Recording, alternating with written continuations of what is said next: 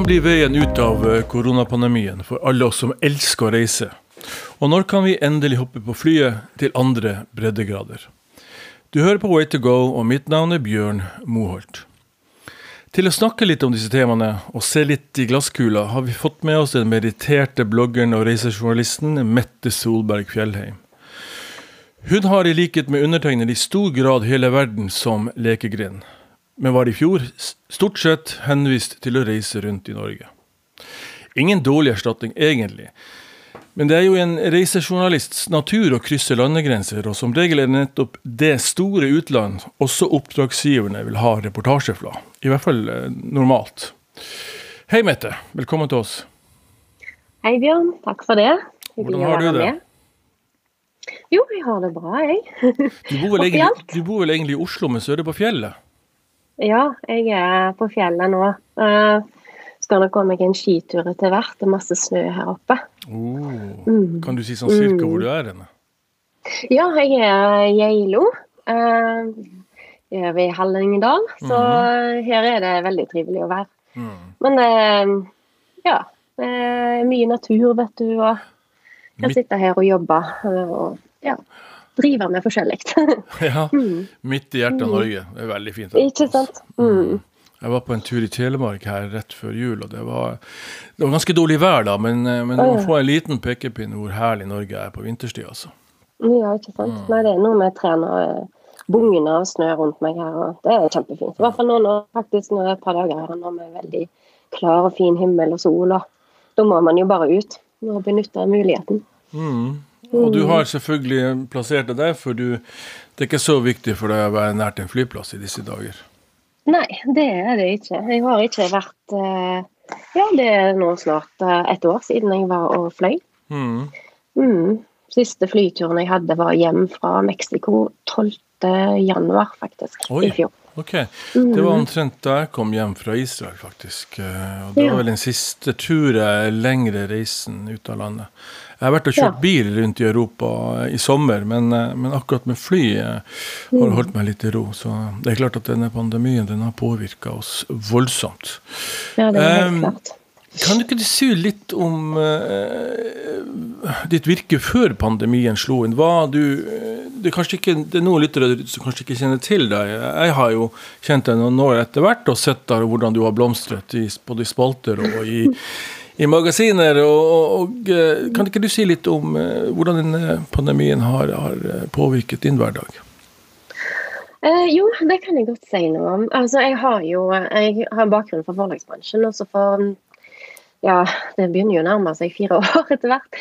Uh, så, så, tok vi sats og satsa for meg sjøl. Jeg hadde da bygd opp Reiselykke som reiseblogg og sted for reisetips og opplevelser eh, i noen år allerede. Jeg nærmer meg nå ti år um, med det. Og, um, og, har da de siste årene også skrevet for andre um, magasiner og aviser som VG, og skrevet for Eggmont og den slags. Og så har jeg også gitt ut en del reiseguider som e-bøker, som jeg da selger gjennom Reiselykke. Mm. Så jeg har gjort litt sånn forskjellig. da. Jeg har Holdt noen foredrag, skal ha hatt sånn reisekvelder i samarbeid med Aschehoug Akademi. Mm. Fokus på destinasjon og smak av mat og vin og den slags. Når vi kunne møtes, da. Mm. ja. ja. Mm. Det, det, er noe som forsvinner når du gjør det på Zoom og sånt. Det lukter og smaker og litt sånne ting. Det, det blir, det blir aldri det, samme. Det er ikke helt det samme. Mm. Nei. Det er sant, det. Nei, men, altså, jeg, har jo, fulgt deg opp gjennom disse årene. Jeg ser hvordan du har utviklet deg både som skrivende og også, ikke minst denne bloggen din, som jeg syns er sannsynligvis den beste der ute, sånn som jeg vurderer det. Både i spennvidde og, og, og, i kunnskap. Og, og, du har jo blitt kåret til Norges beste blogger, eh, i hvert fall ved én anledning, stemmer ikke det? Mm, jo, det, jo, det stemmer. Det var under reiselivsmessen i Oslo 2017, var det vel. Um, mm. De hadde en kåring med en jury, og så var det en folke, folkets jury i tillegg. Så var jeg heldig og ble kåra i begge uh, juryene. da. Mm. Så det var jo veldig stas. da. Så, um, jeg har jo lært mye arbeid ned i, i dette. Um, Så det var hyggelig å få en anerkjennelse med det. Så har det vært noen kåringer opp igjennom uh, tidligere, men jeg føler liksom denne var gjevest. mm, det vil jeg tro. Mm. Eh, altså, har du skrivebakgrunn, journalistbakgrunn i forhold til dette her, eller er det bare en, en, en, interesse for reise og destinasjoner som på en måte har drevet deg? Mm, det, egentlig så kommer det vel av at jeg er veldig glad i å skrive. Um, jeg um, som student i Bergen så skrev jeg for lokalaviser skrev jeg om litteratur, altså anmeldelser av bøker og den slags. Um, så har jeg senere ved siden av jobb og sånn tatt bl.a. featurejournalistikk. Um, rett og for jeg ville gå litt i dybden på det. Og så ble det jo til at jeg eh, ble eh, innholdsredaktør i Aschehoug. Um, hadde et magasin om litteratur som jeg etter hvert ble redaktør for. Jeg skrev jo mye der sjøl òg. Og tok vi det over på nett eh, etter hvert, det òg. Mm. Så, um, så, jeg har jo fått god erfaring, men jeg har jo omgitt meg med utrolig mange dyktige skribenter og forfattere og journalister opp gjennom alle årene. Så. Mm. Og jeg har lest mye, da. Så, um, så jeg, jeg, er vel en mer sånn eh, skriver som tester nye ting og prøver meg fram. Følger nysgjerrigheten og sånn. Og det var vel det egentlig det som gjorde at jeg starta Reiselyko. Mm. Det var jo det at jeg ville Hva i all verden er dette her bloggeriene? Jeg var jo da markedsansvarlig i forlag. og og fant ut at jeg måtte skjønne hva dette var for noe. Så jeg starta først en egen blogg som var liksom lukka bare for venner og familie mens jeg var ute og reiste i Asia. Og så gikk jeg over til en åpen eh, for reiselykke, da. Mm. Eh, så jeg har egentlig brukt Reiselykke som en sånn eh, kanal hvor jeg har testa ut ulike sjangre. Mm. Men så er det etter hvert fått altså, Det har jo hele tida handla om reise, da. Eh, og så har jeg jo satt meg veldig inn i reiselivet, og jeg har fått erfart utrolig mye de siste årene. Mm. Så ja. Livet i en reise, det er jo det jeg nå skriver litt om. ja, ja, ja. Det er jo liksom en sånn floskel, da, men det er jo noe i det, da. At man lærer jo noe nytt hele veien, og det føler jeg veldig dette året som vi har lagt bak oss, er. da. At mm. vi, har, eh, vi har lært mye om verden, om sjøl, om oss sjøl og ja, alt rundt oss. Og f.eks. det at det å reise, det er ikke lenger en selvfølge. Nei. Det er jo noe mange av oss savner. Livet i seg selv er en reise. Ja. Eh, jeg har jo sittet som arbeidsleder for uh, reisemagasiner, og jeg har jo også mm. søkt etter folk. Og ofte så den som står øverst på kvalifikasjonen, er at jeg elsker å reise. Det gjør jo nødvendigvis deg ikke til en god journalist, like lite som det å, tror jeg da, å, å lese mye nødvendigvis gjør deg til en bedre skribent. Det avhenger alltid av hva du leser, tenker jeg, da, eh, mer enn om du mm. leser. Og, eh, så det er en del sånne ting som jeg tenker at Vi skal ikke ta opp det her, men det er, da er vi over på noe annet mm. som jeg tenkte jeg skulle spørre deg litt om. For du har jo da blitt definert som blogger. Mm. Og ordet blogger er jo blitt en sånn slags sekk sekkepost vi putter i alle, altså vi putter alle dem som ikke er tradisjonelle journalister. Kan ikke du si litt om det? For at nå er det jo i noen kretser blitt et skjellsord. Jeg syns jo det er et spennende Jeg mener jo det er en blogger per definisjon en type petit-skribent mm. som, som, bruker seg sjøl som utgangspunkt. Men det vil jeg da igjen hevde er en ganske krevende øvelse hvis du ikke er en dyktig skribent. Kan ikke du si litt om det? Jo, eh, akkurat det med blogging det har jeg jo på en måte forska litt på. da, uh, helt ærlig. Altså, Jeg har lest mye mm. om blogging, jeg ville forstå hva dette var, og testa ulike måter å skrive på sjøl gjennom blogging. Um, og sånn jeg ser det, så er blogg det er jo egentlig bare en annen publiseringskanal. På mhm. linje med veldig mye annet innenfor media. Og det finnes utrolig mye sjangre der ute. Uh, og i Norge så har man hengt seg sånn opp i de rosa bloggerne, mm. som har bana veien egentlig for media her til lands, tenker jeg. da.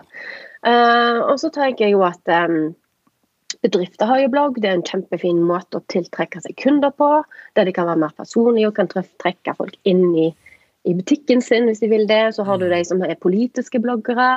Altså Du har liksom så mye. Og i USA så er jo dette kjempesvært fenomen fenomen hvor bloggere har veldig stor påvirkningskraft òg eh, på samfunnsnivå. da. Ja, ja, men jeg bare, bare stoppe deg litt. Mm. Altså, fordi at jeg tenker at Vi skal ikke snakke så veldig mye om det, men jeg synes det er interessant kanskje for lytterne å skjønne litt av, av, greia her. For du har bloggere, så har du influensere. Og til bloggere, mm. det er vel sånn som jeg vurderer det, hvis du skal på en måte være litt streng her, jeg er vel mm. en, en mer sånn redaksjonelt eh, retta mm. virksomhet, mens en influenser han har en helt annen, eller hun har en helt annen agenda for sine postinger som går mer i en mye mer kommersiell retning. Mm, ja, det kan, det kan, du si. Jeg tror en del av dette med influenservirksomheten starta vel litt egentlig med blogging, men så er det mm. mange som nå bare går mer over til å bruke bare Instagram, f.eks. Det er, er, jo et verktøy som utrolig mange av oss er mm. på. Man kan bruke hashtag som blir funnet der. Ja. Uh, og det er jo mye reklame der, da. Nettopp. Det er det jo. Ja. Mm. Nei, altså, jeg, jeg, er veldig åpen. Jeg syns det er spennende at det kommer nye ting til i, det, i et tradisjonelt eh, område som jeg har holdt på med i over 30 år. Og jeg tror at vi mm. gamle, gamle gutter og kvinner har godt av å bli uh, rykket litt ut av, uh, av denne komfortsonen vi kanskje har befunnet oss i tidligere, og se at det mm. kommer nye stemmer inn her. Uh, Samtidig så føler jeg jo at det er litt viktig at vi ennå har den hva skal jeg si, den, den uavhengige redaksjonelle fanen eh, i forkant. I hvert fall hvis du ønsker å gjøre og drive med journalistikk, da, tenker jeg. Men, eh, mm, ja, absolutt. Altså, det, er jo, det, er jo, forskjell eh, mm. på å ha en redaksjon og selge ting inn for jeg gjør jo det òg, ikke sant. Og mm. det er jo, men da skal du òg tilpasse det til det mediet. Mm. Um, så det, det er jo, Dette er jo en kjempestor diskusjon, da. Ja, det, men det er jo ja, det er liksom, hvor kan du være mest ærlig, f.eks. Uh, som journalist, eller ja. reisejournalist?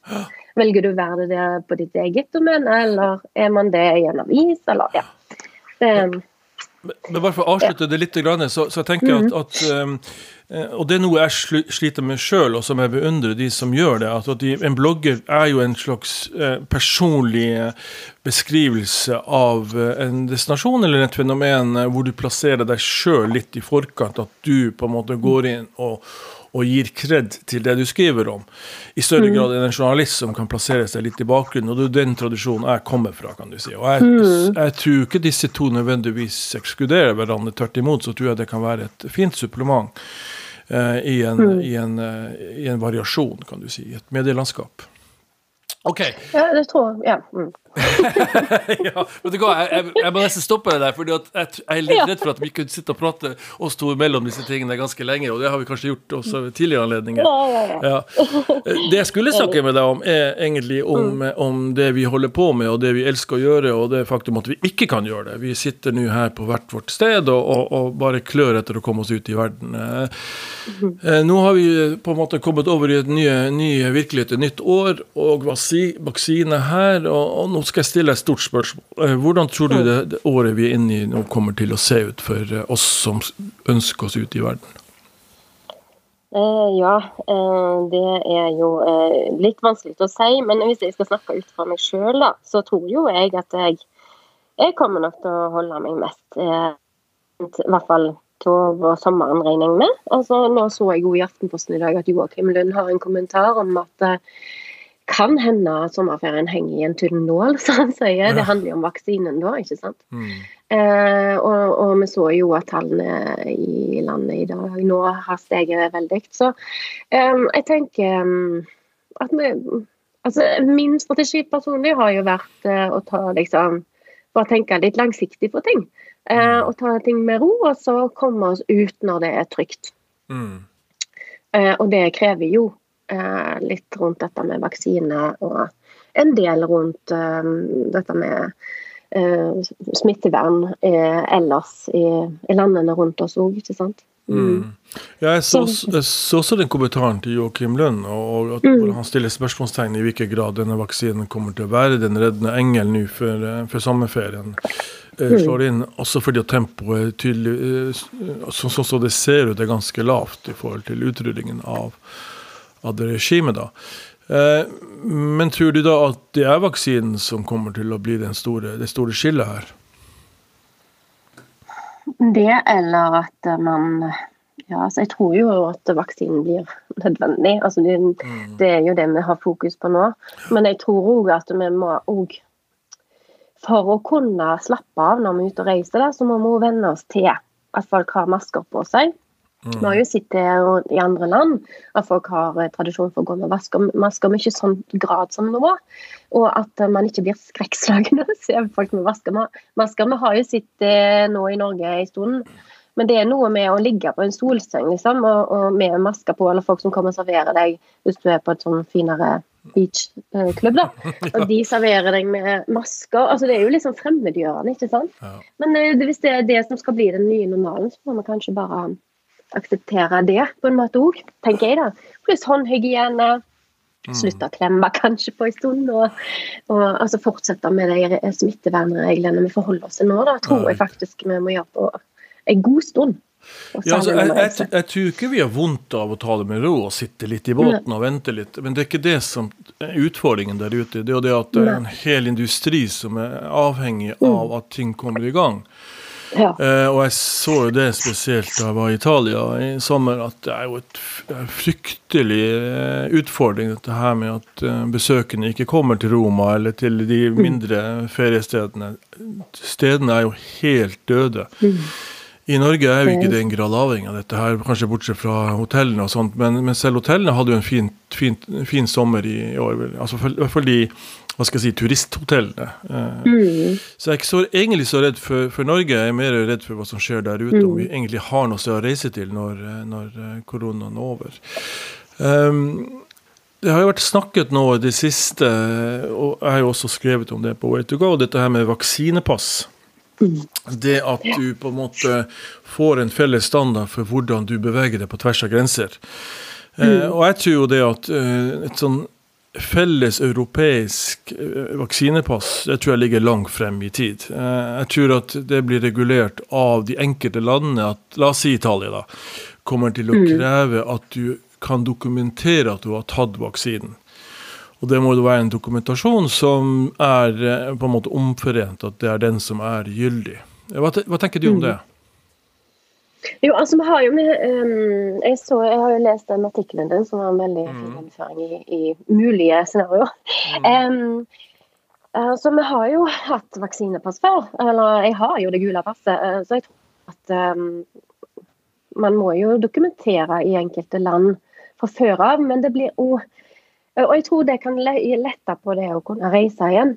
Samtidig så er det litt sånn det blir jo litt sånn klasseskille på en måte, ikke sant? Mm. vel, igjen, altså økt forskjell på hvem som kan reise. Ikke bare fordi de har økonomi, men fordi de faktisk er vaksinert. Og de som uh, ikke kan. Så det er jo, kan jo, altså dette i forhold til at um, det òg er utfordring i forhold til land som ikke får uh, turisme på samme grad som ja, andre, så er dette en økt uh, utfordring, da. Kan være, i hvert fall, Mm. tenker jeg. Ja, det var interessant. Og så tenker jeg jo, som, som du sier, det med Italia, da. Eh, og det er jo andre land òg der ute som er veldig avhengig av turisme. Så liksom Det kan hende at man må tenke nytt i enkelte land, tenker jeg òg, da. Eh, hvem er målgruppen? Altså knytte seg til de nærere regionene, altså, så videre. Mm. Du, du ser jo det i Hellas, så er det man jo begynt å, å tenke disse badene. Nasjonalbanken gikk jo ut her og sa at nå må vi tenke nytt. Altså Den greske nasjonalbanken gikk ut og sa at nå må vi tenke nytt, og, og se Ja. på hvilke turister er det egentlig vi har ønska å ha i landet. Eh, og at det skjer rundt omkring en slags en ettertenksom eh, måte å kanskje tilnærme seg reiselivet på nytt igjen, og det tror jeg faktisk er sunt. Jeg tror det kan være sunt. Apropos dette med vaksinepass, så når det gjelder denne gulfebervaksinen, så dette gul, den gule lefsen som, som man reiste rundt med, den tror jeg aldri faktisk har brukt. Og den gjaldt jo strengt talt bare land som vi egentlig ikke liker å, å sammenligne oss med, ofte Afrika. eh, som ikke tillot folk å komme inn hvis ikke du hadde denne, denne seddelen. Så jeg føler at den er på en måte, ja, den viser at det er mulig, men jeg tror at du må opp på et helt annet nivå og sikkerhetsnivå for å få et slikt system på plass. Noe om QR-kode. Um, kanskje du kan si noe om det? Um, Ja, det er altså, mm. vi snakker jo, Når vi snakker om pass, så, så tenker jo kanskje mange på en fysisk eh, greie som et lite kredittkort. Men jeg tror at fordi at, at eh, smarttelefonen er nå så Den er overalt. Den er i Afrika, den er eh, i Asia, den er i, i Europa. Så tror jeg faktisk det er den beste løsninga. At du får en type app eh, med en sånn QR-kode, eh, hvor, hvor det blir lagt inn om du har tatt den eh, den eh, vaksinen eller ikke. Og det er en sånn lavterskelteknologi, faktisk. Og, og det er heller ikke Personvernhensynet er også ivaretatt i en slik eh, på en slik måte at det, den er ikke farlig sånn, slik sett. Så jeg tror at det kan bli en, en, type løsning i fremtiden. Det er et selskap som heter The Commons Project, som er en internasjonal eh, organisasjon, en non-profit-organisasjon som jobber med dette prosjektet her eh, for å få det opp og stå i samarbeid med World Economic Forum. Og det kan være en bakdør i hvert fall inn til en ordning hvor du hvor du kan bruke det som en passeseddel for å reise rundt omkring i, i Europa. Mm. Det høres jo ut som en, eh, en god eller et godt alternativ, det. da. Særlig dette ordet med personvern, mm. som vi har mye mer fokus på ja. nå. Mm. Men jeg tror at det kommer til å bli en bilateral ordning eh, i første omgang. I mm. Jeg tror ikke det kommer til at ja. EU kommer til å på en måte eh, innføre det som en standard, at det må du ha. Jeg tror at det blir noe som Norge og Tyskland eh, blir enige om, eller Norge og Sverige og Norge og Danmark. Eh, i hvert fall i første, mm. eh, første, gang. Vi har jo for så vidt en ordning i Norge som eh, gjennom FHI ikke, Det kjenner du sikkert til. at du, du, mm. Alle dine vaksiner blir jo registrert der i noe som heter SYSVAK. Mm. Og eh, det, er, det kan du printe ut, ikke sant? og da står det at du har tatt den og den vaksinen. Også koronavaksinen. Men den er jo den er veldig lett å manipulere. Det er litt sånn som dette gule gule kortet. Det har egentlig ikke noe verdi. Det har ikke noe sånn spesiell internasjonal verdi, selv om den kan kjøres ut på engelsk. Så. Mm. Så det, vi må ha litt mer avansert antageligvis hvis vi skal krysse grenser. ja. Mm. Mm. Jeg tror det. Jeg tror at det blir eh, Det, det, det ligger noe der. Og, og, jeg vet at IATA, som da er den internasjonale flyorganisasjonen, eh, de arbeider også nå med et prosjekt for, for denne type vaksine, vaks, eh, vaksinepass. Og der er de kommet veldig langt. Det vil si at hvis du skal fly med SAS, ikke sant, så må du da ha mm. dette passet. Du må vise at du har tatt denne vaksinen. Ja, riktig. Mm. Uh, og det vil jo altså, gjøre det litt enklere for folk å De som ikke tør fly ennå, at det kanskje kan påvirke de i større grad ja. vil gå om bord. Ikke sant? Mm. Og vi er litt sånn irrasjonelle. Faktisk så viser det seg at smitten Det er minst smitte på flyene. Det er langt mm, større risiko å bli, å bli smittet i alle andre faser av reisen enn akkurat på flyet. Så um, vi får nå se. Jeg, jeg er jo Uansett så kommer det til å komme ordninger som vil ligge på plass, som gjør at du i større grad kan overvåke at eh, de du har på tur, eller de som kommer inn i landet, er, er, er vaksinert. Um, jeg, men som sagt, jeg tror at det ligger litt frem i tid før det, det kommer til å skje. Og jeg tror også det at eh, fordi at denne pandemien som vi opplever nå, ikke blir, den, eh, ikke blir, den, siste, så tror jeg at man uansett er nødt til å finne ordninger som lett kan regulere akkurat den, det, den delen. Mm. Ja. ja. Vi har nok lært mye av denne runden her. ja. mm. ja, det har da Lært å holde oss rene på hendene, i hvert fall. Ja, ikke sant. Du har jo skrevet en del om cruiseturisme òg, har jeg sett. Ja. Ehm, kanskje du har lyst til å si noe om det? Ja, altså Pussig at du sier det, for at uh, cruisebåtene er jo den Eller cruise er jo det området som har vært uh, ikke mest rammet, da, men de har vært spesielt hardt rammet. Hele cruiseflåten ligger nede. Slik mm. er det ikke med resten av reiselivet. Der er det jo noen som er i gang. og og har en viss, uh, viss aktivitet. Men på cruisesida så har omtrent hele verdens cruiseflåte ligget i ro. Vi snakker om nesten 300 cruiseskip. Det har vært noen forsøk i Middelhavet. Uh, Hurtigruten gjorde et forsøk som ikke var så vellykket, og vi har hatt et par turer i Karibia som var sånn delvis vellykket, bl.a. en norsk aktør som måtte seile inn til land fordi de hadde et koronautbrudd. Der er det jo da eh, I USA, som på en måte fører an innenfor cruise, der var det jo en ordning med no sail-forordning som trådte i kraft på vårparten i fjor, og hvor de ikke tillot noen skip med over 200 passasjerer, var det vel, å seile i amerikanske farvann og inn til amerikanske havner. Og det varte jo helt frem til november i fjor. Det betyr at ingen skip da, av disse store Royal Caribbean kunne i det hele tatt seile. Så, så ble den no sale-forordningen opphevet og erstattet av et annet veldig strengt regime, hvor uh, da skulle innordne seg det og ha testseilinger. og Det, var, det er ikke måte på, det er ganske strengt. Uh, litt av det er basert på erfaringene fra Middelhavet, hvor et par uh, av cruiseaktører, sånn som MSC og Costa, eh, dro i gang seilingen med ganske strenge regimer. Eh, og, og, og, måten de gjorde det på, var jo å få avtaler, Italia spesielt, da, men også med avtaler f.eks. med Hellas og en del andre reisemål, om å sette dette her i gang for å teste det ut. Og det var faktisk så vellykket at eh, mange av de ideene der er inkorporert kan du si, i det, i det mm, amerikanske regimet. Eh, for hvordan de skal håndtere, håndtere oppstarten av cruise. Eh, det vil ta en god, tid, god del tid før de er oppe og står, men jeg tror at måten de angriper dette her på, er eh, virker lovende. Men igjen, da, det vil ta tid. og Eh, og de taper, de blør jo milliarder omtrent om dagen, disse, mm. rederiene. Eh, og, og cruiseskip er jo veldig utsatt eh, for Når det oppstår smitte om bord, så er det jo som en smittebombe. Eh, den imploderer jo omtrent i disse båtene. Ja, det er akkurat det. Jeg, tror, altså, jeg ser jo at det, det, er en del som er veldig klar for å reise med cruise igjen. Samtidig så har vi jo sett, den, eh, ja, sett scenarioene som har vært da, mm. med smitte om bord. og og et par skandaler, f.eks. og. Som, eh, ja, så, men eh, det er jo noe man må lære av og ta med seg videre, da. Men jeg tenker også på dette med hotell. Da. Um, det er jo en del store hotell som òg har uh, sine utfordringer. Kanskje må tenke litt annerledes òg framover, tenker jeg, rundt frokostservering og kødannelse osv. For jeg tror det vil sitte litt i ryggmagen hos oss at vi, vi gjerne vil ha litt avstand. Mm. I, i, den, i, den, daglige reiseopplevelsen, mens vi kanskje kommer til å glemme det mer når vi er på konsert og sånn. Så tenker jeg det. ja, det tror jeg du faktisk har helt rett i.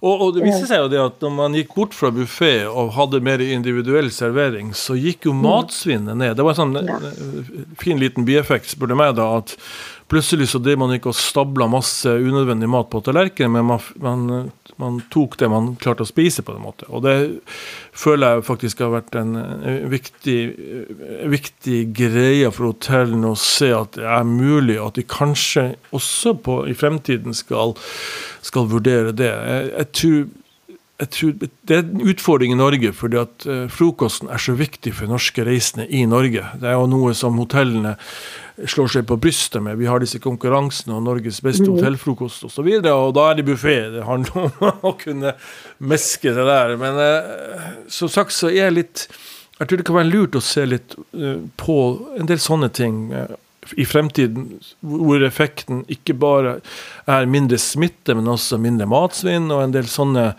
hva skal jeg si, kloke ting som vi bør revurdere fremover. Ja, det er jeg helt enig i.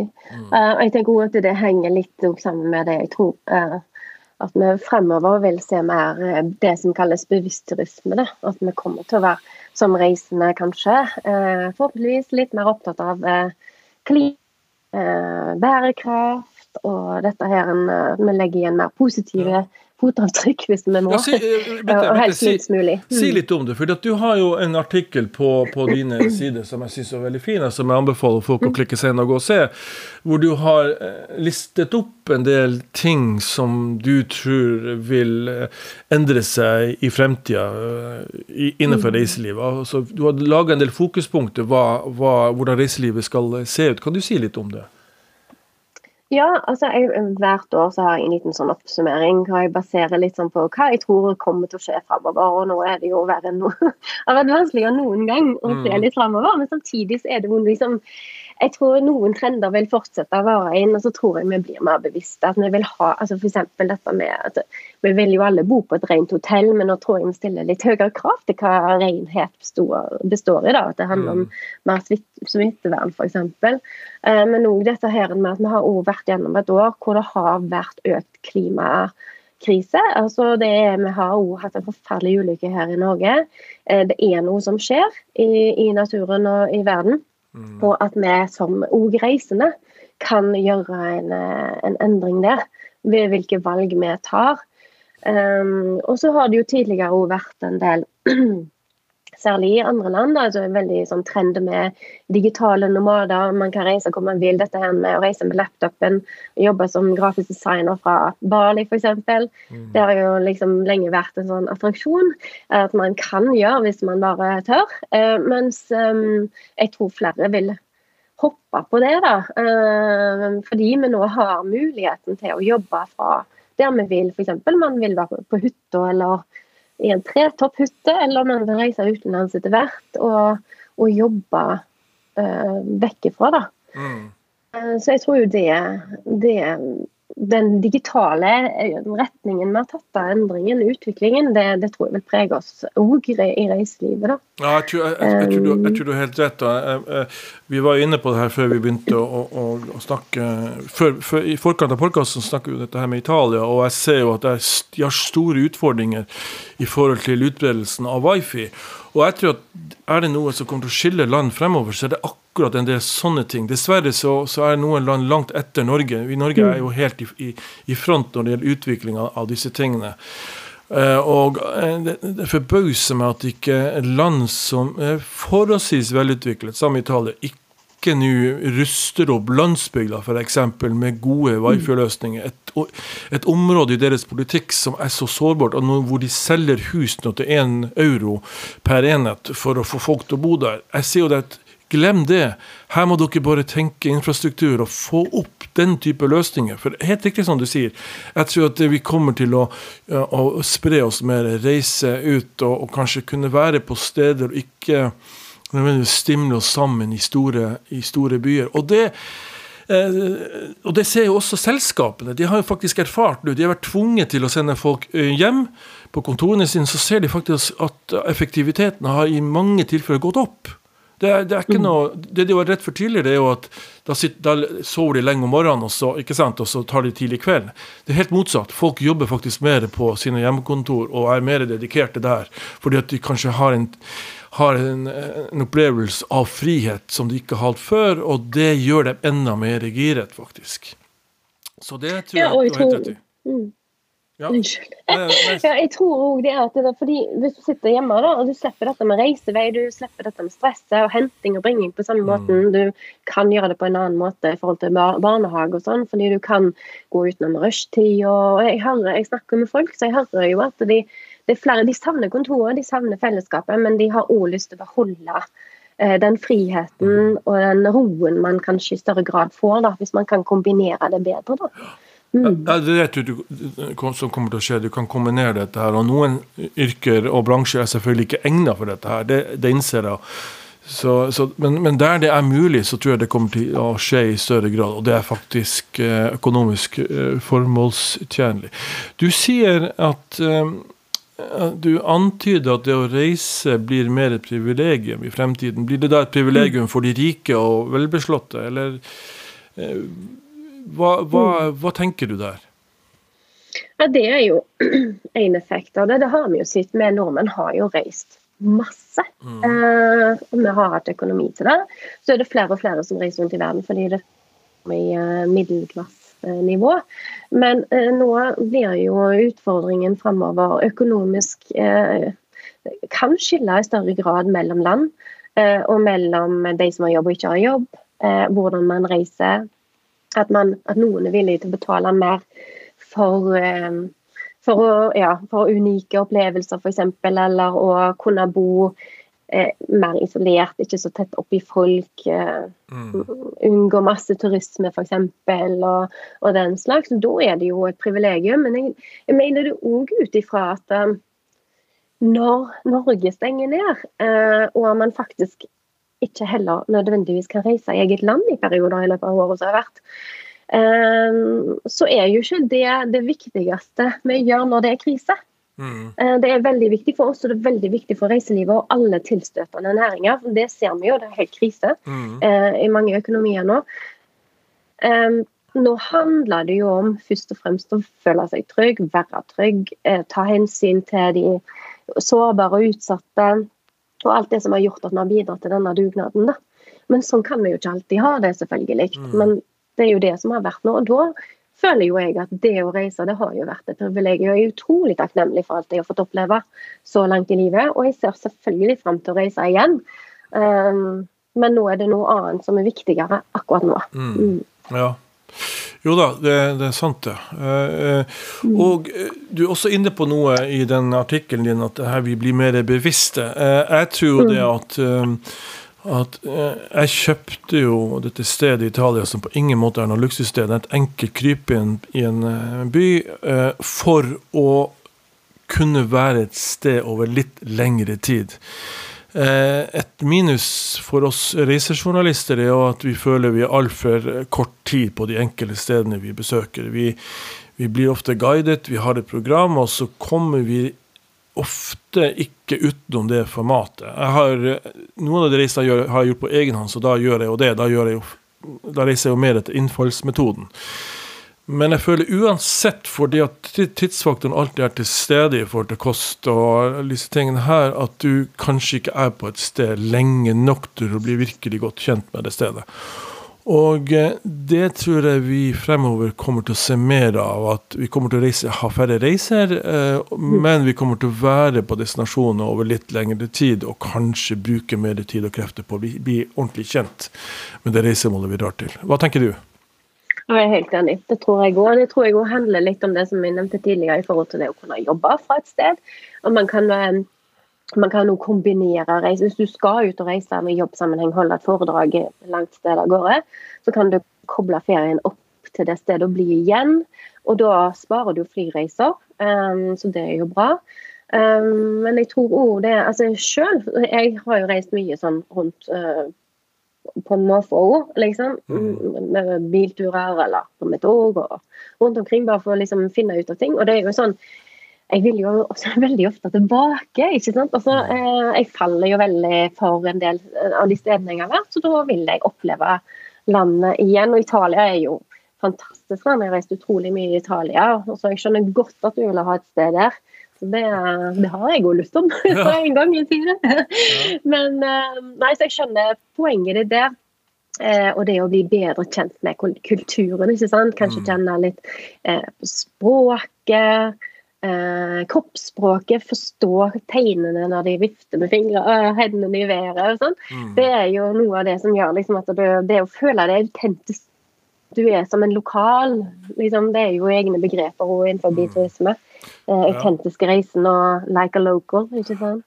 Det blir jo du, da. Det er jo din opplevelse, da. Ja da, og, og, og, jeg, og, jeg, tror det er så viktig at vi mennesker beveger oss litt utenfor komfortsonen. Jeg tror veldig mange eh, drar til en destinasjon, og så er de eh, ikke inngjerda fysisk, men de er på en måte henvist til et område, og de, de søker ikke ut av det området de befinner seg i, eh, i den grad. Nå er det klart at vi er jo vi har en litt annen profesjonell inngang til, til dette her, men jeg tror at eh, det jeg i hvert fall prøver å, å, å, referere til i mine artikler og måten jeg presenterer reisemål på, er jo at du skal i større grad pushe grenser. Gå inn i den bakgata istedenfor å gå langs den hovedpromenaden. En del sånne ting. Og jeg tror at det eneste måten du kan gjøre det på, er å gjøre det på egen hånd, og kanskje, og kanskje utforske dypere. Og jeg tror at det blir noe vi kommer til å tenke mer igjennom fremover.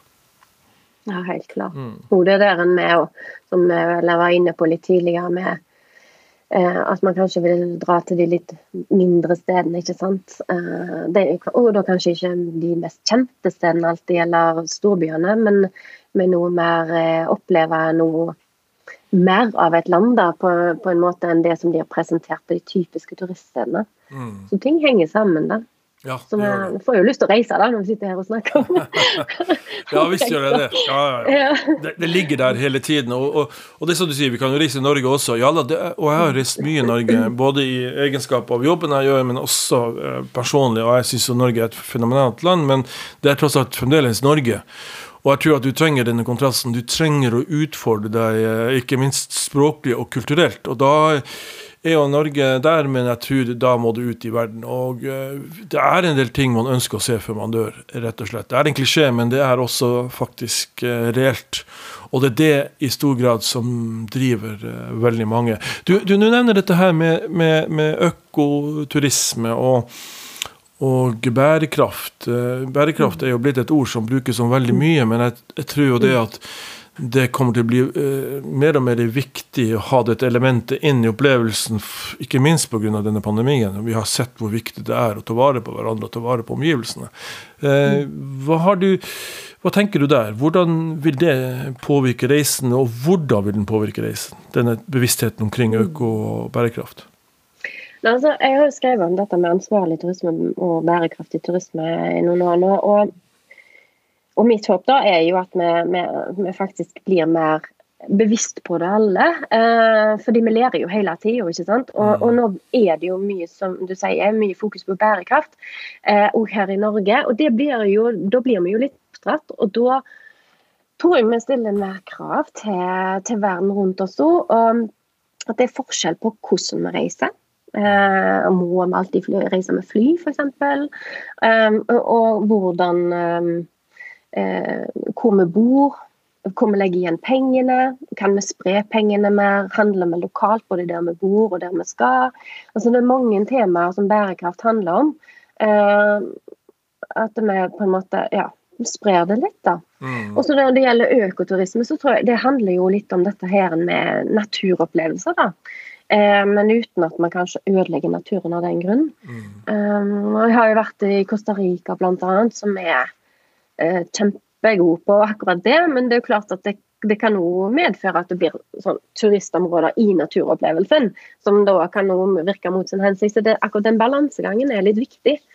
Uh, og så er det dette med klimaavtrykk og med uh, hvilke fotspor vi legger igjen. Altså Det samme er jo her i Norge, egentlig, når vi går turer mm. i fjellet f.eks.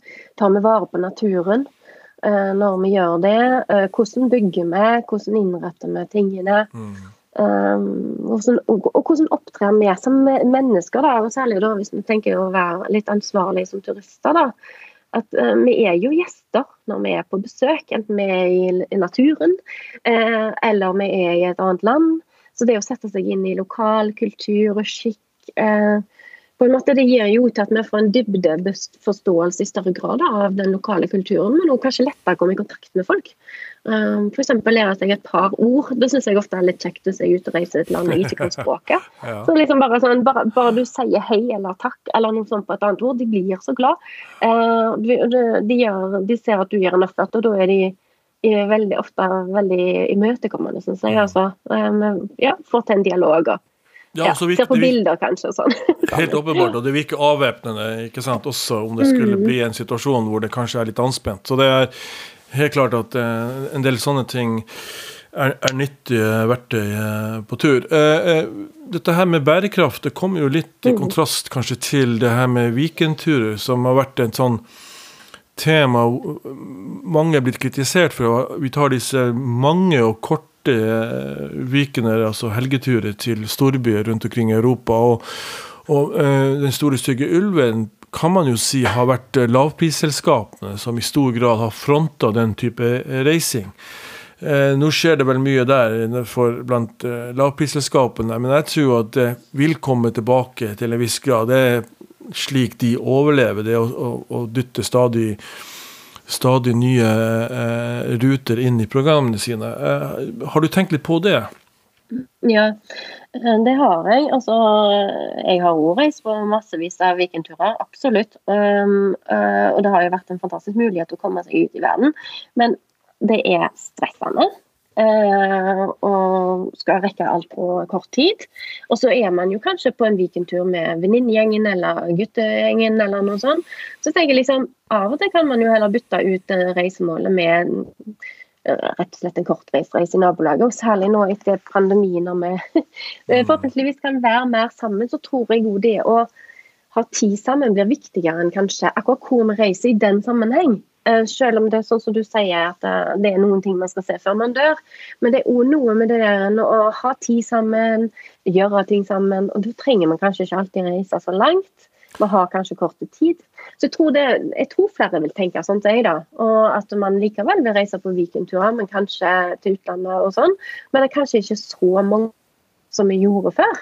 Men, men jeg er jo veldig enig med deg i det. Altså, jeg, jeg ser ikke noen grunn til at en guttegjeng som skal egentlig bare dra på puben og, og drikke masse øl i, i London, skal Mm. nødvendigvis dra til London for å gjøre det. Jeg er litt redd for at en del av disse um, hva skal jeg si, weekendturer med venner og venninner har vært en sånn type sosial markør. Og, og man, veldig mange av de turene havner på Instagram hvor man ser en gjeng foran Eiffeltårnet. eller sånn, Og så har man vært der, og så er man på Champs-Élysées på en bistro der og, og, og har et bilde derifra, så sitter man der og drikker. Det er en del sånne ting som man kanskje i større grad tenker seg litt om i forhold til eh, fremover. Eh, jeg er litt redd for at det har vært en viktig driver for mange av disse weekendturer som kan på overflaten virke unødvendig. Ja da, det kan jo hende, det. Mm. Så eh, ja, jeg vet ikke. Det, men som sagt så har jo da dette her med jeg husker jeg skrev en kommentar en gang om at uh, disse flyselskapene de starter en rute til Beograd, ikke sant? Og, så, dra, og så hopper man på for det koster 49 kroner. Og så står man der i Beograd med en koffert på asfalt og ser rundt seg. Hvorfor i all verden havna jeg her? Og da tenker man jo det var for at reisa kosta 49 kroner. Og det mener jeg at uh, der må man begynne å tenke litt annerledes. Ikke sant? Ja, det, det tror jeg absolutt. Også, dette handler jo om klima og alt dette, eh, annet. Men også tenker jeg jo, det har jo vært en pådriver til at folk har oppdaga nye reisemål, og at eh, eh, nye reisemål har liksom fått eh, en lokal valør, Altså, det har fått økonomien til å gå bra, kanskje, et sted, Mm. og Så, videre. så liksom det er så mange eh, tanker på en gang her, men jeg tror likevel det er nettopp det som gjør at vi må bli mer bevisste reisende, da. Ja, for at det, har, ja, Mm. for det harmonerer. Altså, det jo, jeg, jeg innrømmer jo det at jeg har av og til leid ut på Airbnb leiligheten min, og, og, og en av beveggrunnene for en kompis som jeg anbefalte meg å gjøre det, er at folk som kommer hit med med uh, eh, Norwegian eller Wizz Air, de, de tar ikke inn og bruker masse penger på hoteller på dyre restauranter. De tar inn på Airbnb for at det er billig, og at de skal ha et billig opphold. Og Det betyr da i praksis at det kanskje ikke tilfører det lokale reiselivet spesielt mye penger. Så, så det blir sånn null eh, altså det blir, det blir ikke sånn voldsom vekst i økonomien, den type reising. Jeg sier ikke det skal slutte med det, men jeg er litt redd for at, at det har vært et litt sånn oversalg av, av at det dette med lavprisselskapenes inntog og åpne opp for nye reisemål nødvendigvis ikke alltid er så godt begrunnet, da, kan du si. Nei, altså bare, jeg må bare legge til akkurat der. Det har vi jo sett i Barcelona, annet. For de har kjempeproblemer med eller har hatt kjempeproblemer med at folk investerer i leilighet, skal leie det ut. Eh, Lokalbefolkningen blir pressa ut av byen. Og det er for mye turister i gatene, og det legges ikke igjen nok penger på hotellene. Så det Orka har vel også hatt litt sånn samme utfordringer, da. Så det er klart at det, det, det er mange sider her. Eh, turisme. Ja, det er det. Mm. Ja, og jeg, jeg, jeg håper jo jeg håper og tror at vi mennesker tenker oss litt kanskje mer om at det har vært sånn sett fint med pandemien. At eh, om ikke annet så at vi er blitt, blir litt mer bevisste som, eh, som reiser. At vi reiser kanskje mer, litt mer med hjertet enn med hodet. Altså mm. lommeboka, unnskyld. ja. Ja. Um, vi nærmer oss egentlig slutten. Vi har sittet veldig lenge og prata. Jeg syns det er utrolig hyggelig å, å snakke med en som kan litt om dette. Jeg håper vi kan eh, gjenta dette her eh, flere ganger, uh, Mette. Um, når grensene åpner, eh, eller koronaen legger seg, hvor, hvor drar du først? Hva er det, liksom, det, reisemålet som da eventuelt står deg nærmest, som du virkelig savner? oi, altså dette nå Jeg, vet det. Jeg, Eh, eh, For at, grunnen til at jeg sier det, at jeg var redd for at du skulle si det først. Ja, men da skal du svare på det etterpå. Um, OK. Um, jeg har lyst til å si flere ting. For Ja. egentlig så har jeg veldig lyst Jeg har ei venninne som har flytta til New York, og jeg har veldig veldig lyst til å besøke henne. Men jeg tror ikke det er den første reisen jeg tar. Mm. Det tror jeg ikke. Uh, jeg tror kanskje at jeg kommer til å krysse grensene i landet. Kanskje ta en eh, kjøretur til København. Eh, koser oss på restaurantene der. Eh, det kan være en god alternativ. Jeg er veldig glad i Italia, så jeg har veldig lyst til å komme tilbake der snart. Og så Mm. er det jo Asia. Altså, jeg mener, jeg kan ikke svare på dette. det er for mye. Er ikke det Men jeg tror, altså, hvis jeg skal tenke med hodet, da, altså, hvor det er natur mest naturlig, så tror jeg det er kanskje eh, nabolandene først, da. Mm. Det er nærliggende områdene. Men hva, Og du, da? eh, Ja, så, men la oss holde land utenfor. Hva er det du savner mest da ved å ikke kunne reise? Hva er det du, du håper da å oppleve når du drar? Eh, Hva er det du ser etter? Er det, er, er det maten, er det, er, det, er det folkene, er det kulturen? Er det Nei, det er derfor eh, dette her Hvis jeg skal tenke sånn, det med reise, hva jeg savner med selve det å reise, Mm. så er det jo Jeg tenker veldig ofte på Asia når jeg gjør det. Og det er fordi at jeg, jeg syns kulturene er spennende. Um, jeg har studert religionsvitenskap, så jeg syns det er fascinerende med ja, buddhisme, f.eks. Um, menneskene er helt herlige, eh, maten er nydelig, eh, og du har alt fra flotte historiske kulturområder til nydelige strender osv. Så videre. så liksom, og det å bare liksom ja, utforske, kjenne luktene, kjenne um, temperaturen og den der eh, klammeheten som er der. Det, det er helt og fugleliv der og sånn. Det er så annerledes enn hjemme. Der sa, Det- der sa du det. ja. Det er annerledes. Det er ekstremt annerledes. Og det tror jeg faktisk er den viktigste grunnen. Jeg er helt enig med deg. Jeg syns Asia er helt fenomenalt. Ja. Ja. Så det syns jeg er et veldig godt argument for å, da, å gjøre det. Men jeg er dessverre redd for at Asia kommer, kommer til å bli en stund før vi kan reise dit. Men, Ja. Men nettopp, Det det. nettopp det her er, at det er så enormt annerledes. Det samme forholdet har til det sørlige Afrika. Jeg syns det er helt Mm. fenomenalt. Nettopp fordi at det er så ekstremt annerledes fra, fra Europa. Selv om eh, Og jeg vet at jeg visste at du kom til å, å slå meg tilbake. Ja. Hvor jeg skal, Hva blir det med deg? ja, nei, ja, og selv om jeg syns at Europa er For at Europa er lite, men det er utrolig mye forskjellige eh, ting du kan gjøre der, og steder og kulturer. og det er mye, Og så eh, liker man å sammenligne. Det syns jeg er morsomt å sammenligne Norge og Italia og, landene imellom, og som gjør, gjør denne, dette spennet mellom ting eh, så, så, så, så spennende. Og eh, det er klart at Italia står jo da et, fordi at jeg har bestemt meg for at det er det landet jeg ønsker å ha mitt andre hjem, så står jo det mitt hjerte nærmest. Og det, det er antagelig det stedet jeg kommer til å reise, reise først til. Så, eh, men det er jo mer tilfeldig. Jeg, jeg er jo som deg har sliter med å fortelle noen hva som er min favorittdestinasjon. Jeg pleier å si at det er den neste jeg skal til, eller noe sånt. Men fordi at det er nettopp det. det er, alle er så forskjellige og, og har sine attraksjoner at det, det er nesten umulig for oss som er profesjonelle, og som har vært i titalls land, ikke sant. Og har fremhevet. Ja, det er kjempevanskelig å plukke. Det er jo som å velge mellom alle barn. som de sier. ja, ja. ja, kanskje det er det jeg skal svare neste gang. Ja. Nei, men Mette, tusen takk for at du stilte. Som sagt, jeg håper at eh, vi kan møtes igjen i denne, i denne i en slike samtaler, for det tror jeg eh, det beriker meg i hvert fall.